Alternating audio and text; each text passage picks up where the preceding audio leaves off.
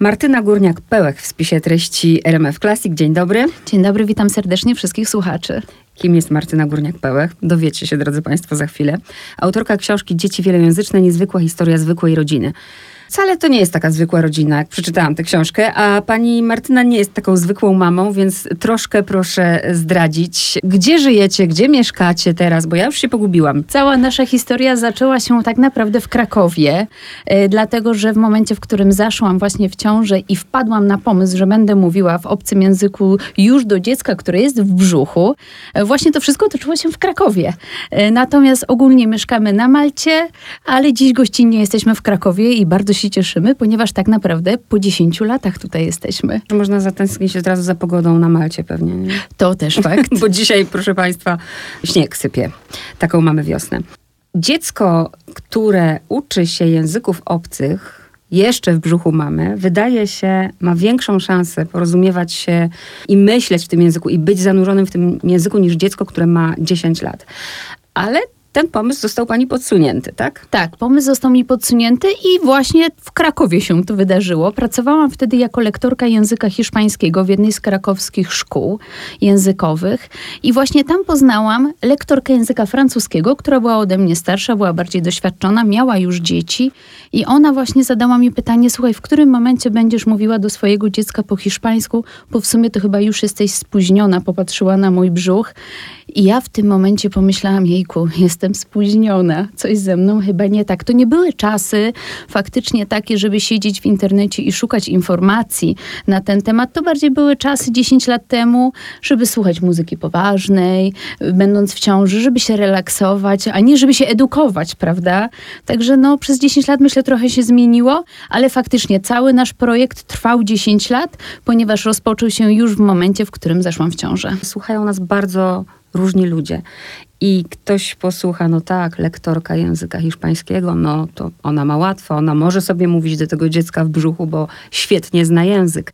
No i właśnie, to jest od razu bariera, no bo jeżeli ktoś zna ten język na poziomie takim, nie wiem, hiszpański czy angielski, że pojedzie i przeżyje w obcym kraju i zamówi sobie pizzę, no to raczej, nie wiem, polecałaby pani mówienie do brzucha? Powiem tak, wiele osób zadaje mi to pytanie. Myślę, że jest to naprawdę kluczowe pytanie, ponieważ wiele osób mówi, jaki poziom muszę mieć, żeby zacząć mówić do mojego brzucha, czy nawet do mojego dziecka, które się niedawno narodziło na pewno nie poziom native, bo to jest to, co się zawsze nasuwa. Ojej, nie, nie, ja nie jestem native'em z tego języka.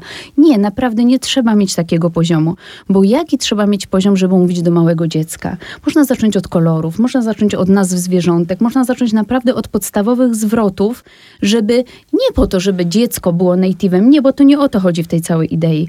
Chodzi o to, żeby dziecko nie miało blokady bo my jako osoby dorosłe bardzo często mamy blokadę. Wiesz, Martyna, ja dużo rozumiem, ale ja boję się mówić. To jest też bardzo typowe. I myślę, że tu jest ważne. Nie chodzi o to, żeby wyzbyć się blokad, nie, żeby ich nie stworzyć, bo dziecko jeszcze nie ma żadnych blokad. I jeżeli my pokażemy dziecku, że możemy żyć w wielu językach, to on, dla niego to będzie całkowicie naturalne.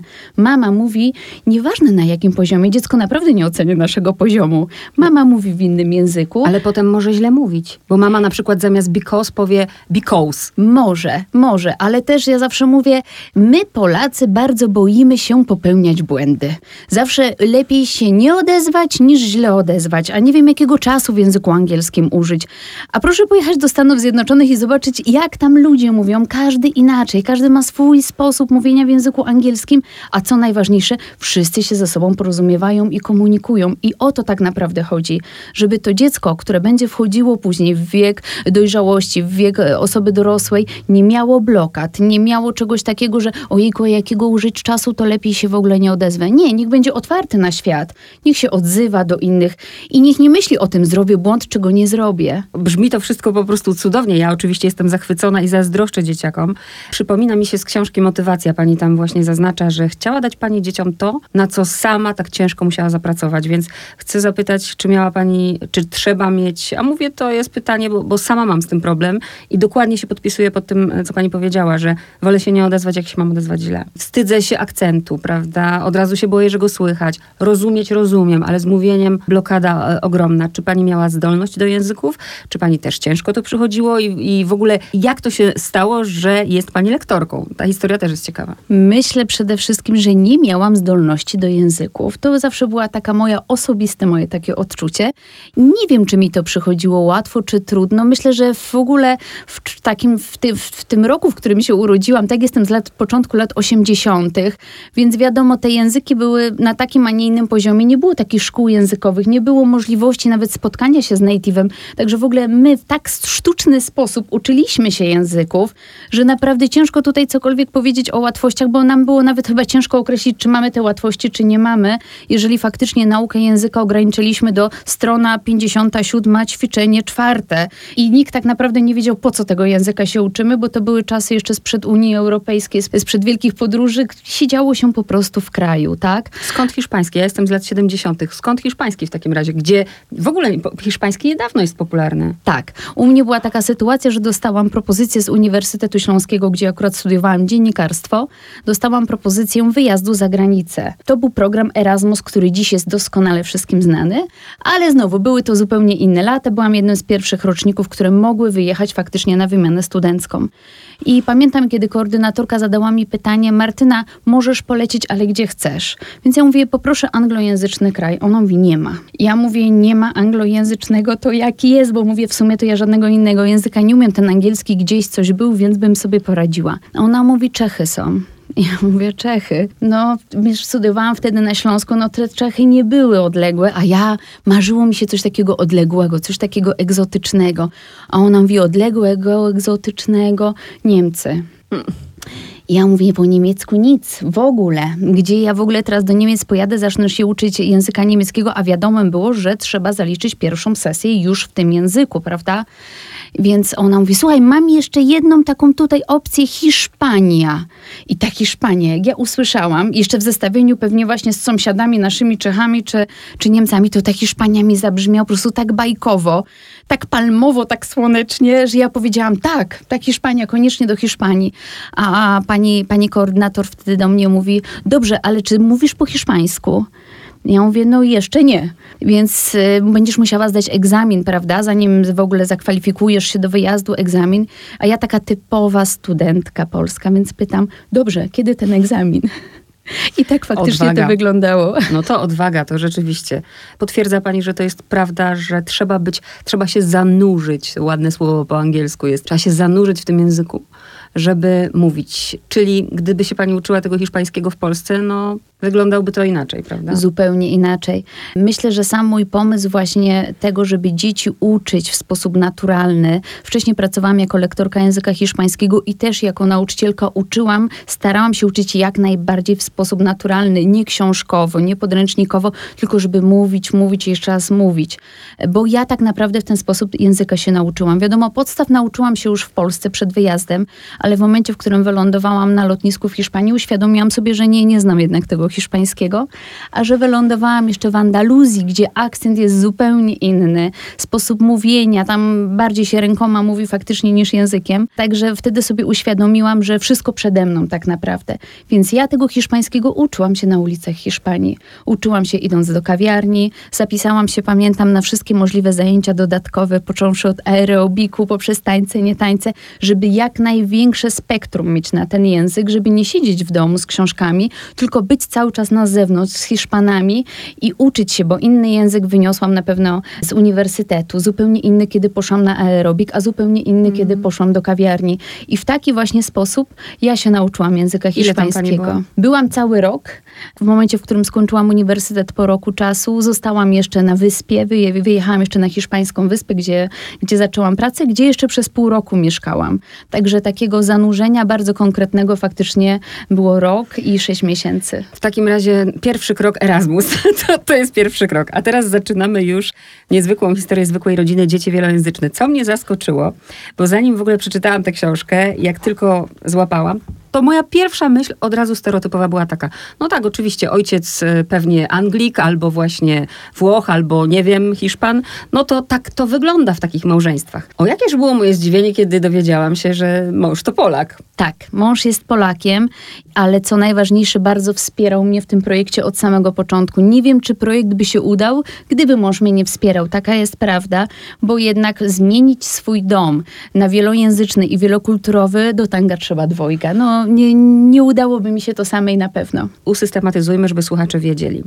E, rodzi się synek, Ksawery. Decydujecie się, że pani mówi do niego po hiszpańsku, mąż po angielsku, a do siebie mówicie w języku polskim. Mąż też musi świetnie mówić po angielsku w takim razie. Tak, mąż bardzo dobrze mówi po angielsku, e, także bez żadnych problemów, oporów zdecydował, że będzie mówił po angielsku, ale to był jego pomysł.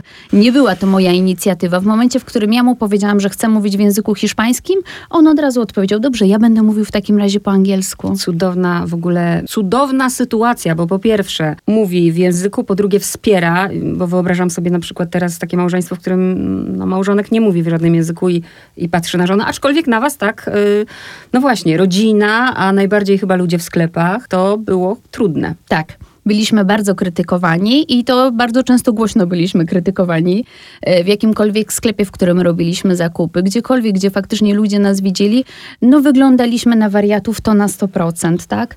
No bo wyobraźcie sobie Państwo teraz taką sytuację, stoi mama, stoi tata i stoi maleńkie dziecko i ta mama mówi do tego maleńkiego dziecka po hiszpańsku, tata mówi po angielsku, więc ludzie stojący obok patrzą, no rodzina wariatów niesamowitych. Co najciekawsze, między sobą po polsku polsku oczywiście, więc jeżeli dochodziło do jakiegokolwiek dialogu z osobą z ulicy, więc wszyscy widzieli, że jesteśmy Polakami, tak? Więc patrzyli na nas jak na wariatów i pamiętam raz jedna pani mi powiedziała, co to biedne dziecko rozumie? No własnej matki nie rozumie. I wtedy mój synek miał dwa miesiące i tak zaczęłam się zastanawiać, czy gdybym mówiła po polsku, lepiej bym nie rozumiał niż kiedy mówię do niego po hiszpańsku. On ma dopiero dwa miesiące. A pierwsze słowo w jakim języku powiedział? Po angielsku. U synka pierwszym językiem był język angielski, u córeczki hiszpański. Była czyli nie polski w żadnym... Czyli tym. wystawiona była bardziej na język hiszpański w momencie, w którym zaczęłam mówić. To jest ważne. Czyli wiadomo, że każde dziecko ma pewne etapy, tak? Tak jak jest etap na raczkowanie, mhm. etap na wstawanie, na siadanie, tak samo jest pewien etap u każdego indywidualny na otwarcie na mowę. Także w momencie, kiedy ten etap był mojego synka, wyjechaliśmy akurat na Maltę. Więc tego angielskiego faktycznie miał dużo więcej w porównaniu z innymi językami. Natomiast w momencie, kiedy moja córka miała etap na otwarcie na mowę, miała opiekunkę hiszpańskojęzyczną. I to był moment, faktycznie pierwszy wyraz, mm. który powiedziała, to był wyraz zapato czyli po hiszpańsku but. Tu nie będziemy zdradzać, drodzy Państwo, sami sobie przeczytacie, to mniej więcej jak się e, czyta tę książkę, jak potęgę podświadomości, że co sobie zażyczysz, to ci się spełni z tą e, nianią z Hiszpanii, w ogóle rewelacja. Bo pani dzieci mówią czterema językami. Dodajmy czwarty, maltański. Tak, jest to język maltański, który w ogóle nie był w projekcie od początku wpisany.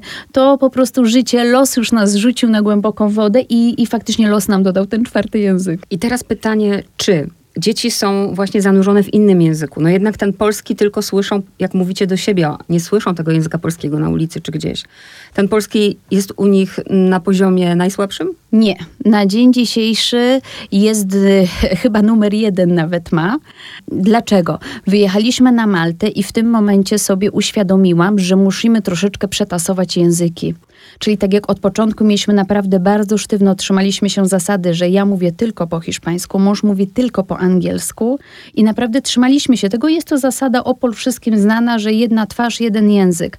Natomiast w momencie, kiedy wyjechaliśmy faktycznie na Maltę, uświadomiłam sobie, że te dzieci nie mają w ogóle języka polskiego no moje polskie serce nie pozwalało mi na to, żeby faktycznie tak to wyglądało.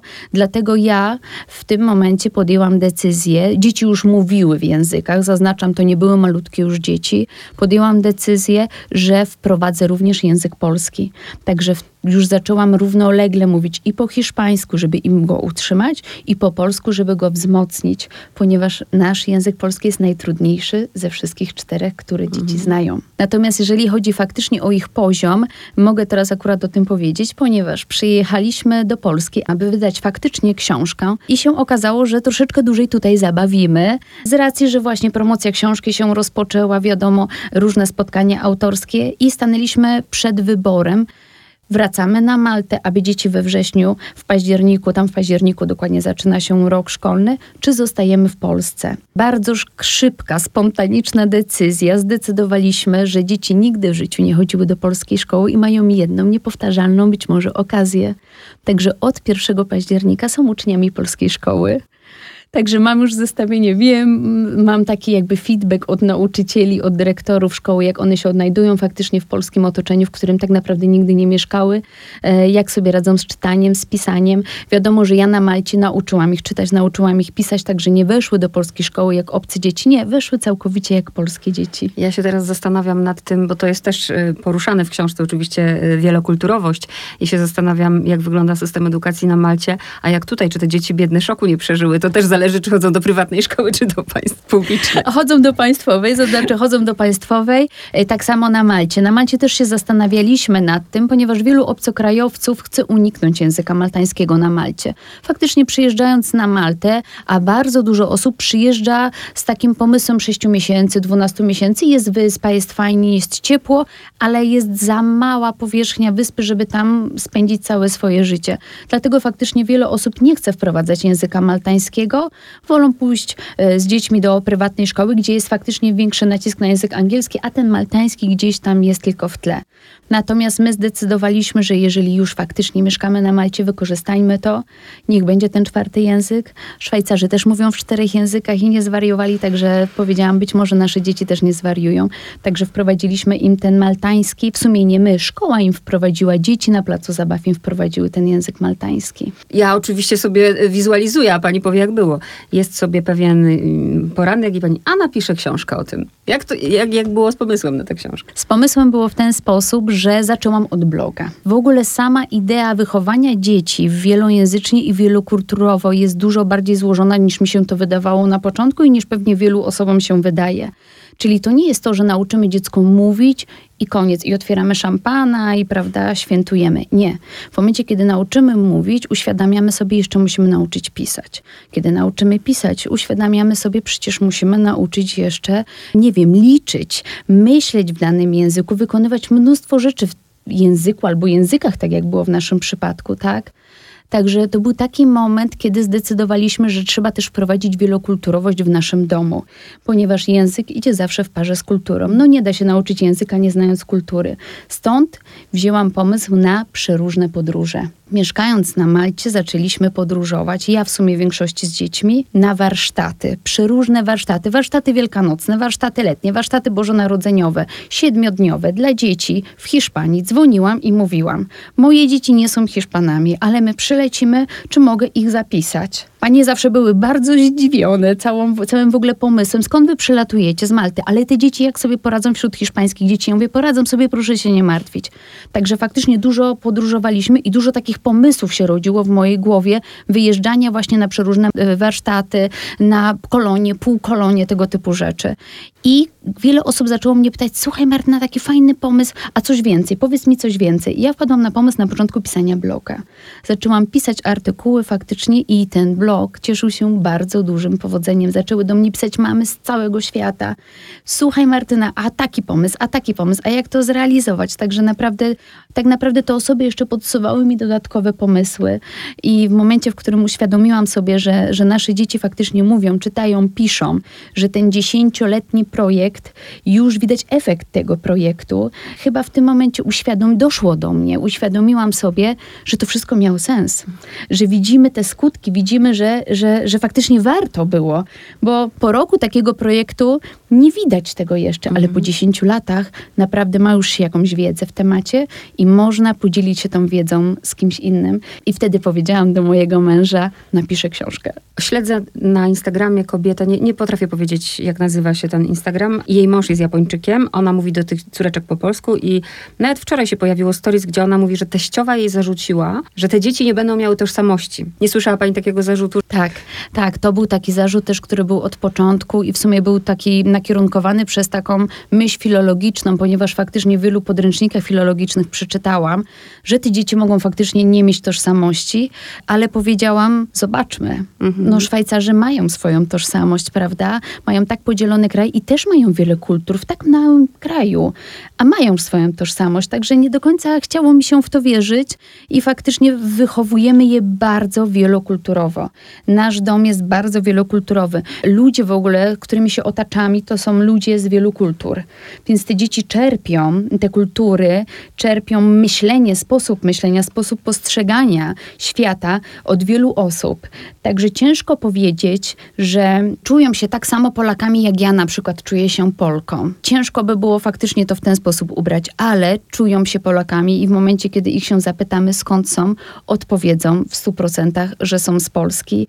I faktycznie w domu naszym jest mnóstwo polskich akcentów. Czasami się śmieję, że chyba nawet więcej niż gdybyśmy mieszkali w Polsce. Dlaczego? Bo tutaj, kiedy przychodzą nam święta wielkanocne, to idziemy do sklepu i kupujemy makowca.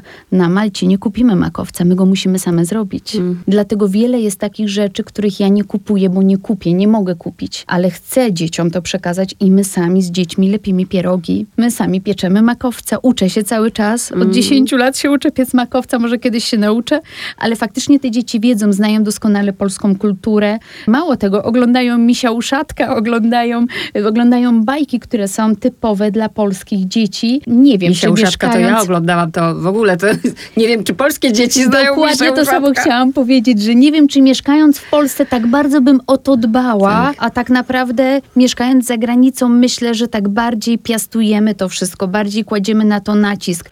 Co jeszcze? W maltańskiej edukacji, tak samo jak w angielskiej, jest mnóstwo dni pod hasłem czegoś. Mhm. Z racji, że Malta w pewnym momencie, około 5 lat temu, stała się krajem niesamowitej mieszanki narodowej. W szkole u naszych dzieci jest więcej dzieci z obcych krajów niż samej mhm. Malty na tak małej wyspie. Także mają bardzo duży nacisk też na wielokulturowość i bardzo często mamy dzień flagi i wtedy dziecko przychodzi ubrane w kolory swojej flagi albo dzień kraju, więc dziecko musi przynieść coś związane z krajem albo dzień kuchni twojego kraju, więc gotujemy i niesiemy do szkoły. To też nam myślę bardzo pomaga. Na chwilkę zatrzymam przy imieniu. Ja cały czas, y, drodzy Państwo, mówię Ksawery, Ksawery, Ksawery, chociaż w książce Ksawery jest Hawim. E, nawet jest historia, też jej nie zdradzamy, jak się przeraził, że jak będzie Ksawerym, to co to będzie. Jak w Polsce mówicie Hawi? Y, to był bardzo ciekawy moment, ponieważ ja oczywiście mówię Hawi, bo od urodzenia mm -hmm. mówię Hawi, ale w momencie, kiedy poszły do polskiej szkoły i pamiętam, kiedy podpisywałam książki i zeszyty i zadałam pytanie Hawiemu, Ksaweremu, słuchaj, jak ci podpisać zeszyty? I on wtedy mi powiedział, podpisz Hawi Ksawery. I ja mówię, może sam Hawi. Nie, nie, podpisz lepiej Ksawery, żeby w Polsce wszyscy wiedzieli. Ja mówię, to po co to Hawi? No bo w sumie od urodzenia jestem Hawi, to chcę być Hawi. Także pierwsze zeszyty podpisaliśmy jako Hawi Ksawery, ale każdy następny poprosił, żeby to były tylko ksawery i powiedział, że ma taki etap, taki, takie coś innego w Polsce, ma taką przygodę polską i on tu chce być polskim ksawerem. Wow. Powiedział, na Malcie, w Hiszpanii jestem Hawiem, w Polsce chcę być ksawerem to dobrze trafiłam, że zaczęłam od powiedzenia do niego ksawery. A jeszcze taka kwestia zupełnie prywatna, bo na okładce tej książki no, są wizerunki pani dzieci. Też nad tym myślałam. Zresztą bardzo śliczne dzieci. E, no ale te twarze teraz wszyscy będą znali. Nie zastanawiała się pani nad tym? Że tak. no, pytała ich pani o zgodę? Oczywiście. W ogóle sam proces tworzenia okładki chyba był bardziej skomplikowany niż napisanie książki, ja mówię. Dlaczego? Mieliśmy wiele projektów okładki. Zaczęliśmy oczywiście od zdjęć stokowych, od zdjęć, które gdzieś tam można było mieć. E, grafik, e, który tworzył okładkę, e, dał te zdjęcia i patrzyliśmy wszyscy, bo to było kilka osób, ja, mój mąż, dzieci, osoba, która tworzyła okładkę, kilka innych osób. Mieliśmy oczywiście beta czytelników, było mnóstwo osób zaangażowanych faktycznie w tworzenie tej książki i wszyscy za każdym razem, kiedy widzieliśmy zdjęcie, mówiliśmy nie, nie, bo dlaczego? To jest tak naprawdę nasza naturalna historia. Jest tak naturalna i w tak naturalny sposób napisana, takim naturalnym językiem, wydaje mi się, i cały ten projekt był tak naturalny, że te zdjęcia innych dzieci wyglądały nam bardzo sztucznie, także od tego to się wzięło. E, ja wtedy zaproponowałam, że będą to zdjęcia Hawiego faktycznie i Krysi i zaproponowałam trzy zdjęcia. Jedno z nich to było zdjęcie, które teraz można zobaczyć na okładce. To było jedyne, gdzie widać ich twarze. Na pozostałych były gdzieś z boku, były gdzieś z tyłu. E, I znowu, trzy okładki powstały, usiedliśmy, grupa osób, patrzymy i wszyscy, absolutnie wszyscy zaznaczyli na okładkę, która wygrała, która jest, gdzie widać ich twarze. Dlaczego? Bo, bo widać, kto to jest, widać, czyja jest ta historia i to zdjęcie jest znowu bardzo naturalne. To było zdjęcie zrobione moim telefonem komórkowym na naszych wakacjach. Także nie jest to w ogóle zdjęcie, nie ma tam żadnego Photoshopa, upiększania, edytowania. Takie zdjęcie faktycznie było, tak jak nasza historia, taka faktycznie jest. Natomiast faktycznie pytałam dzieci o zgodę i rozmawiałam z nimi bardzo o tym. Dlaczego? Powiedziałam, musicie mieć świadomość, że teraz każdy mieszkający w Polsce, bądź poza granicami Polski, może mieć wasze zdjęcie na swojej półce. Bardzo długo o tym myślałam, ale podjęliśmy taką decyzję. Naturalna historia, naturalne dzieci, naturalne zdjęcie. Też na tym zdjęciu, y, ile Ksawery ma w tej chwili lat? Teraz ma 10, oczywiście tu był młodszy. Też się zmieniają, więc może to dla nich z, z czasem być przygoda. A Krysia, bo to bardzo Krystyna polskie imię, ona nie miała takiego momentu oburzenia, że no jednak Ksawery y, może być Hawim y, i jest taki niepolski, a ona jest polska. Krysia y, bardzo, Krysia właśnie swoje imię bardziej poznała w wersji hiszpańskiej, dlatego tak jak mówiłam, że w momencie, kiedy ona była e, wystawiona na, ten, na tą mowę, czyli otwierało jej się wszystko w głowie i tą mowę nagle zaczęła, e, zaczęła mieć tutaj taką priorytetową, zaczęła mówić, zaczęła coraz więcej rozumieć. Wtedy miała bardzo dużo kontaktu z językiem hiszpańskim, więc jej imię, które tak od początku odbierała, to było Cristina. To była taka była wymowa hiszpańskojęzycznej niani i ja też tą wymowę faktycznie bardzo długo, bardzo długo w ten sposób do niej mówiłam. Wyjeżdżając na Maltę, zawsze była Kristina. Mhm. I nieważne, czy byliśmy w Hiszpanii, czy na Malcie, czy mieliśmy kontakt z ludźmi z Azji, czy z Afryki, bo tak jak mówię, mieszkając na Malcie, naprawdę mamy kontakt z wieloma osobami. Wszyscy mówili Kristina, Kristina, a tutaj w Polsce jest po prostu Krysia. Krysia. Mhm. I też jej się to podoba. podoba. Mhm. Nie opowiadamy oczywiście książki, zachęcam, już pani powiedziała, to jest właśnie wasza osobista historia. Są tu też rozdziały bardzo ważne e, właśnie o neuroplastyczności mózgu, ale bardziej chcę też porozmawiać o tym, że się wstrzeliła pani z tym tematem w to, co się w tej chwili dzieje chociażby w Polsce. Dwa miliony uchodźców, dzieci ukraińskie. I teraz takie pytanie. Może bezpośrednio nie mam na nie odpowiedzi w tej książce, ale jako filolożce zadam to pytanie. Jeżeli właśnie mówimy, podejrzewam, że ta książka będzie i pani w ogóle inspiracją dla wielu kobiet w tej chwili w ciąży, które jak usłyszą tę audycję, będą mówić do swojego brzucha w różnych językach, bo rzeczywiście tak jest. Ale teraz weźmy, no nie wiem, no przyjeżdżają dzieci i no, no dobra, niech to będzie 9 lat nie cztery, bo czteroletnie dziecko to też jeszcze jest inaczej, trzyletnie dziecko, dwu, ono może nie pamiętać pewnych rzeczy, ale dziesięcioletnie dziecko, dwunastoletnie, ono już jest absolutnie ukształtowane, zanurzone, przyjeżdża i musi się nauczyć teraz drugiego języka i musi być dwujęzyczne. Jakie są szanse na to? Teraz te dzieci trafiły do szkół. Ja wiem, bo mam mnóstwo znajomych nauczycieli. Mało tego, owszem, są klasy przygotowawcze, ale nie wszędzie. Na różnych wioskach, w miasteczkach te dzieciaki trafiają do normalnych klas.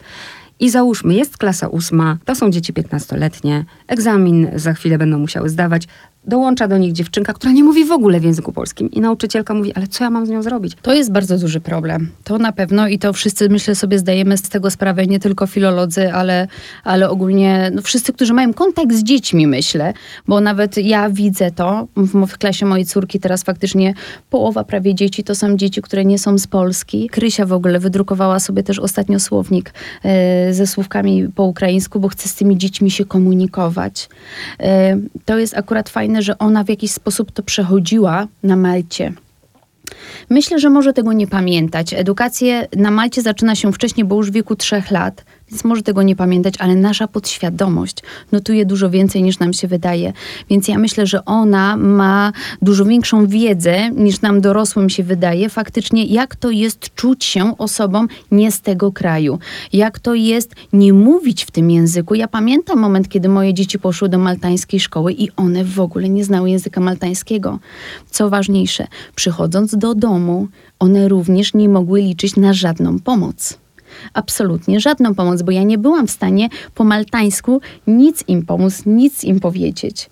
Co ciekawe, e, w pewnym zestawieniu po kilku latach mieszkania na Malcie, kiedy dziecko jest około 8 roku życia, y, robione są testy na Malcie z poziomu wszystkich przedmiotów i jest tam właśnie test z języka maltańskiego i z języka angielskiego.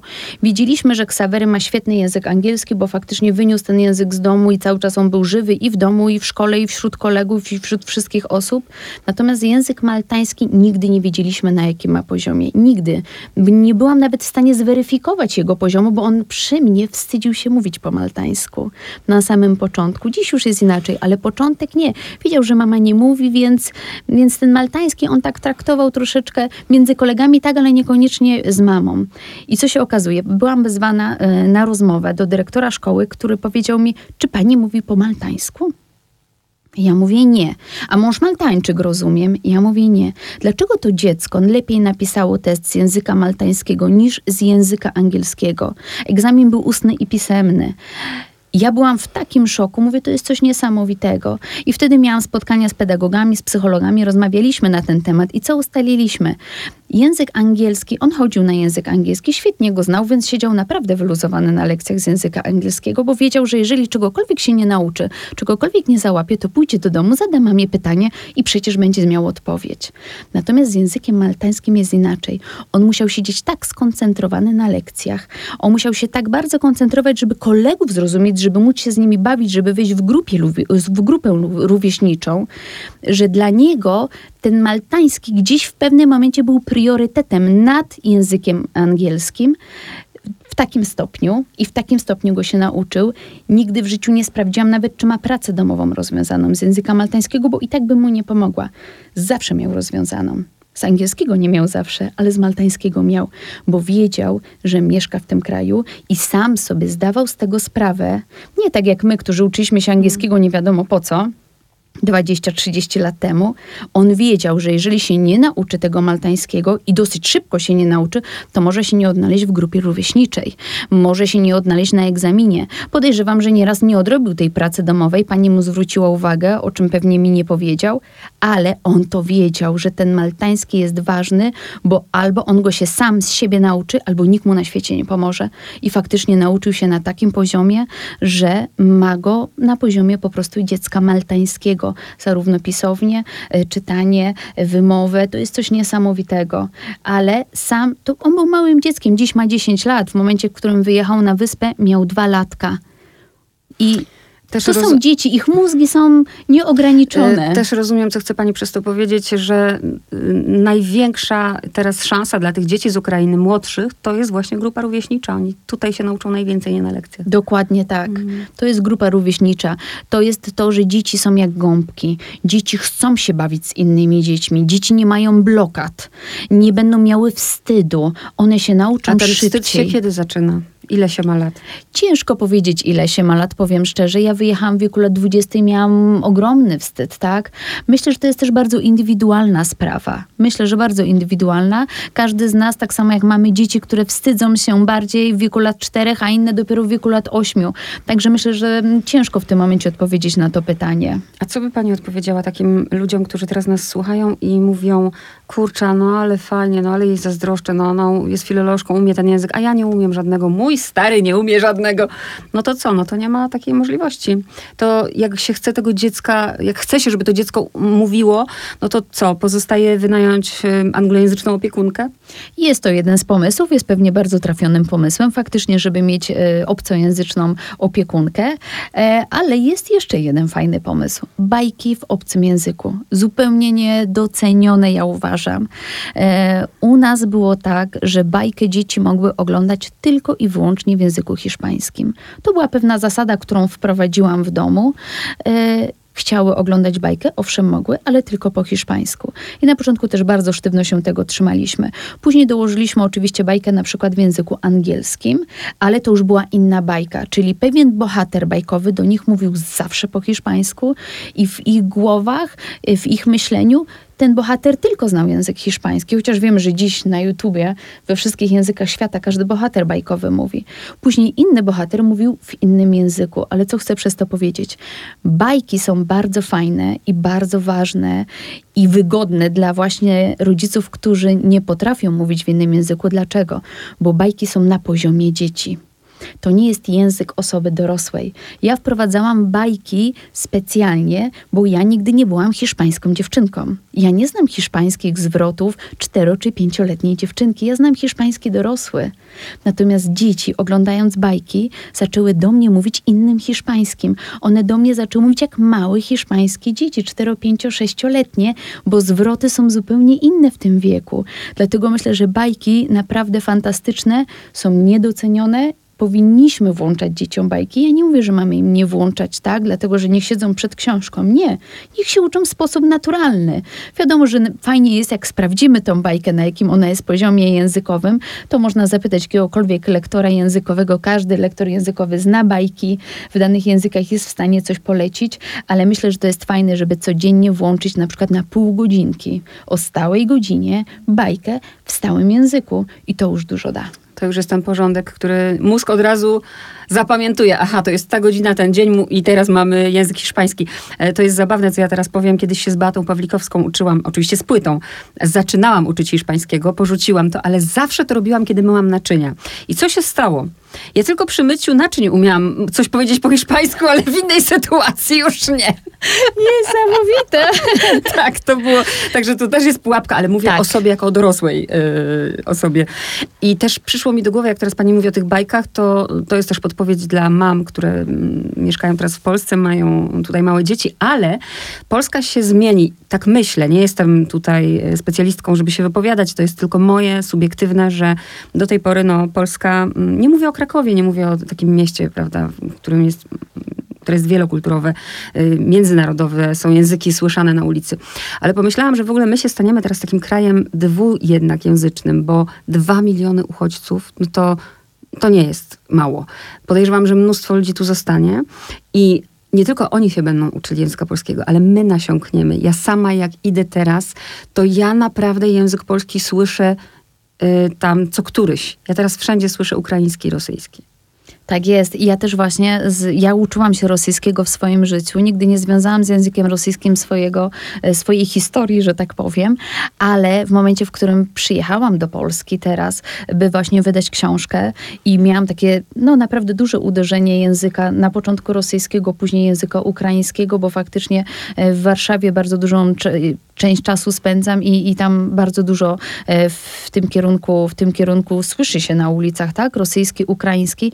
Ja idąc ulicą łapię się na tym, że przypominam sobie, ojejku, a jak po rosyjsku było to, a jak po rosyjsku było tamto, gdzie ja przez tyle lat nie przypominałam sobie tego. Mm. Co więcej, bardzo często dzieci moje przychodzą do mnie i mnie pytają, jak po ukraińsku powiedzieć to czy to? Ja mówię, dziecko, ja nie znam ukraińskiego, jeśli mogę, może ci powiem po rosyjsku, a może będzie na przykład podobne. Czyli nawet w domu zaczęły się robić już takie rozmowy i myślę, że faktycznie nasze pokolenie, które uczyło się języka rosyjskiego, teraz może zabłysnąć. Mm-hmm. Ja tak w cudzysłowie to mówię, ale faktycznie możemy sobie przypominać te zwroty, te wyrazy i wykorzystać to. I wykorzystać to teraz. Ale nasunęło mi się po tym, co pani powiedziała, kolejne pytanie. Jak teraz jesteście w Polsce i załóżmy, zostaniecie na dwa lata.